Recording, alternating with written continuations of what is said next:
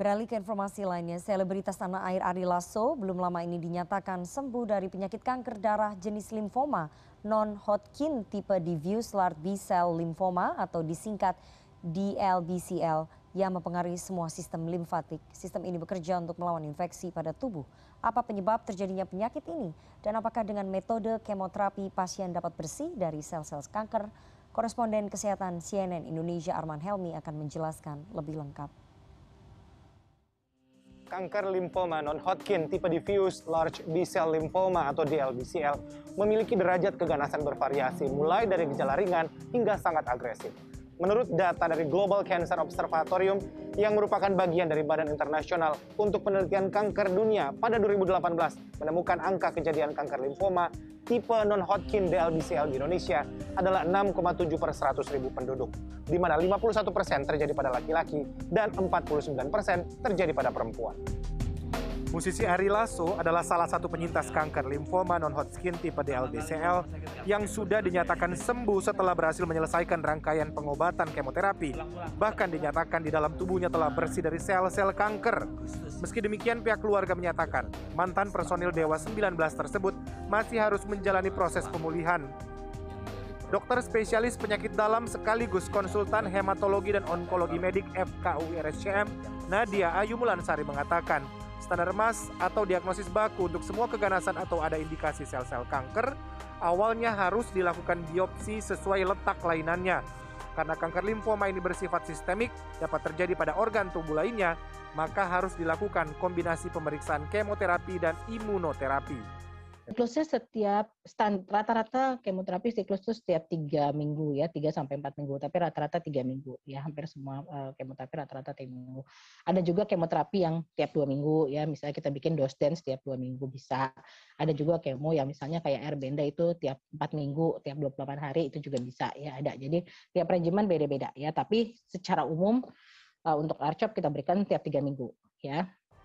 Standar baku pengobatan kanker limfoma termasuk tipe non-Hodgkin adalah kemoimunoterapi dengan menggunakan PET scan atau positron emission tomography.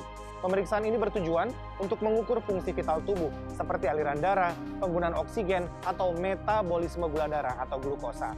PET scan juga dapat mendeteksi organ dan jaringan yang berfungsi tidak normal, kemudian juga mengetahui perkembangan sel kanker untuk mengukur perkembangan kanker atau metastasis dan mengevaluasi seberapa baik rencana perawatan pada pasien dengan kondisi tertentu. PET scan juga bisa dilakukan secara tunggal atau dikombinasikan bersamaan dengan tes pencitraan lain seperti CT scan dan MRI. Jadi uh, memang kita selalu bilang uh, limfoma yang agresif ini kita sering bilang ini um, bisa remisi ya, uh, curable lah mungkin kita bisa katakan begitu bahasanya pasien ya. Artinya bisa pasien itu benar-benar bersih dari sel kanker pada saat selesai menyelesaikan seluruh seluruh rangkaian kemoimunoterapinya gitu. Jadi uh, tidak usah heran kalau yang tadinya penuh gitu ya di seluruh sumsum -sum tulangnya gitu. Lalu setelah selesai uh, itu kan udah stadium 4 kita dibilangnya ya. Setelah selesai kemoterapi bersih tuh sama sekali nggak ada gitu. Yang yang ada di di sumsum -sum tulangnya hilang semua. Kanker limfoma non-Hodgkin umumnya ada yang memiliki gejala dan ada yang tanpa gejala.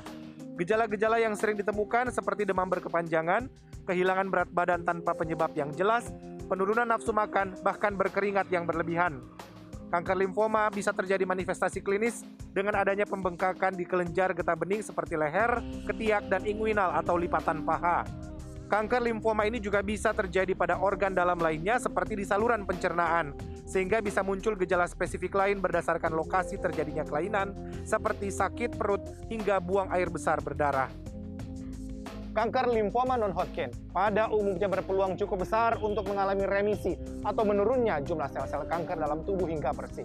Perhimpunan Hematologi Onkologi Medik Penyakit Dalam Indonesia menyatakan 70% penyakit ini sangat merespons terhadap kemoimunoterapi dan pasiennya dapat tertangani dengan baik. Intinya pasien harus tetap patuh dan berkomitmen menjalani pengobatan, semangat dan berpikiran positif, hindari stres, jalani pola hidup sehat, makan makanan bergizi, hindari merokok, olahraga teratur, dan tetap menjaga protokol kesehatan selama pandemi. Arman Helmi, Galuh Prestisa, Jakarta.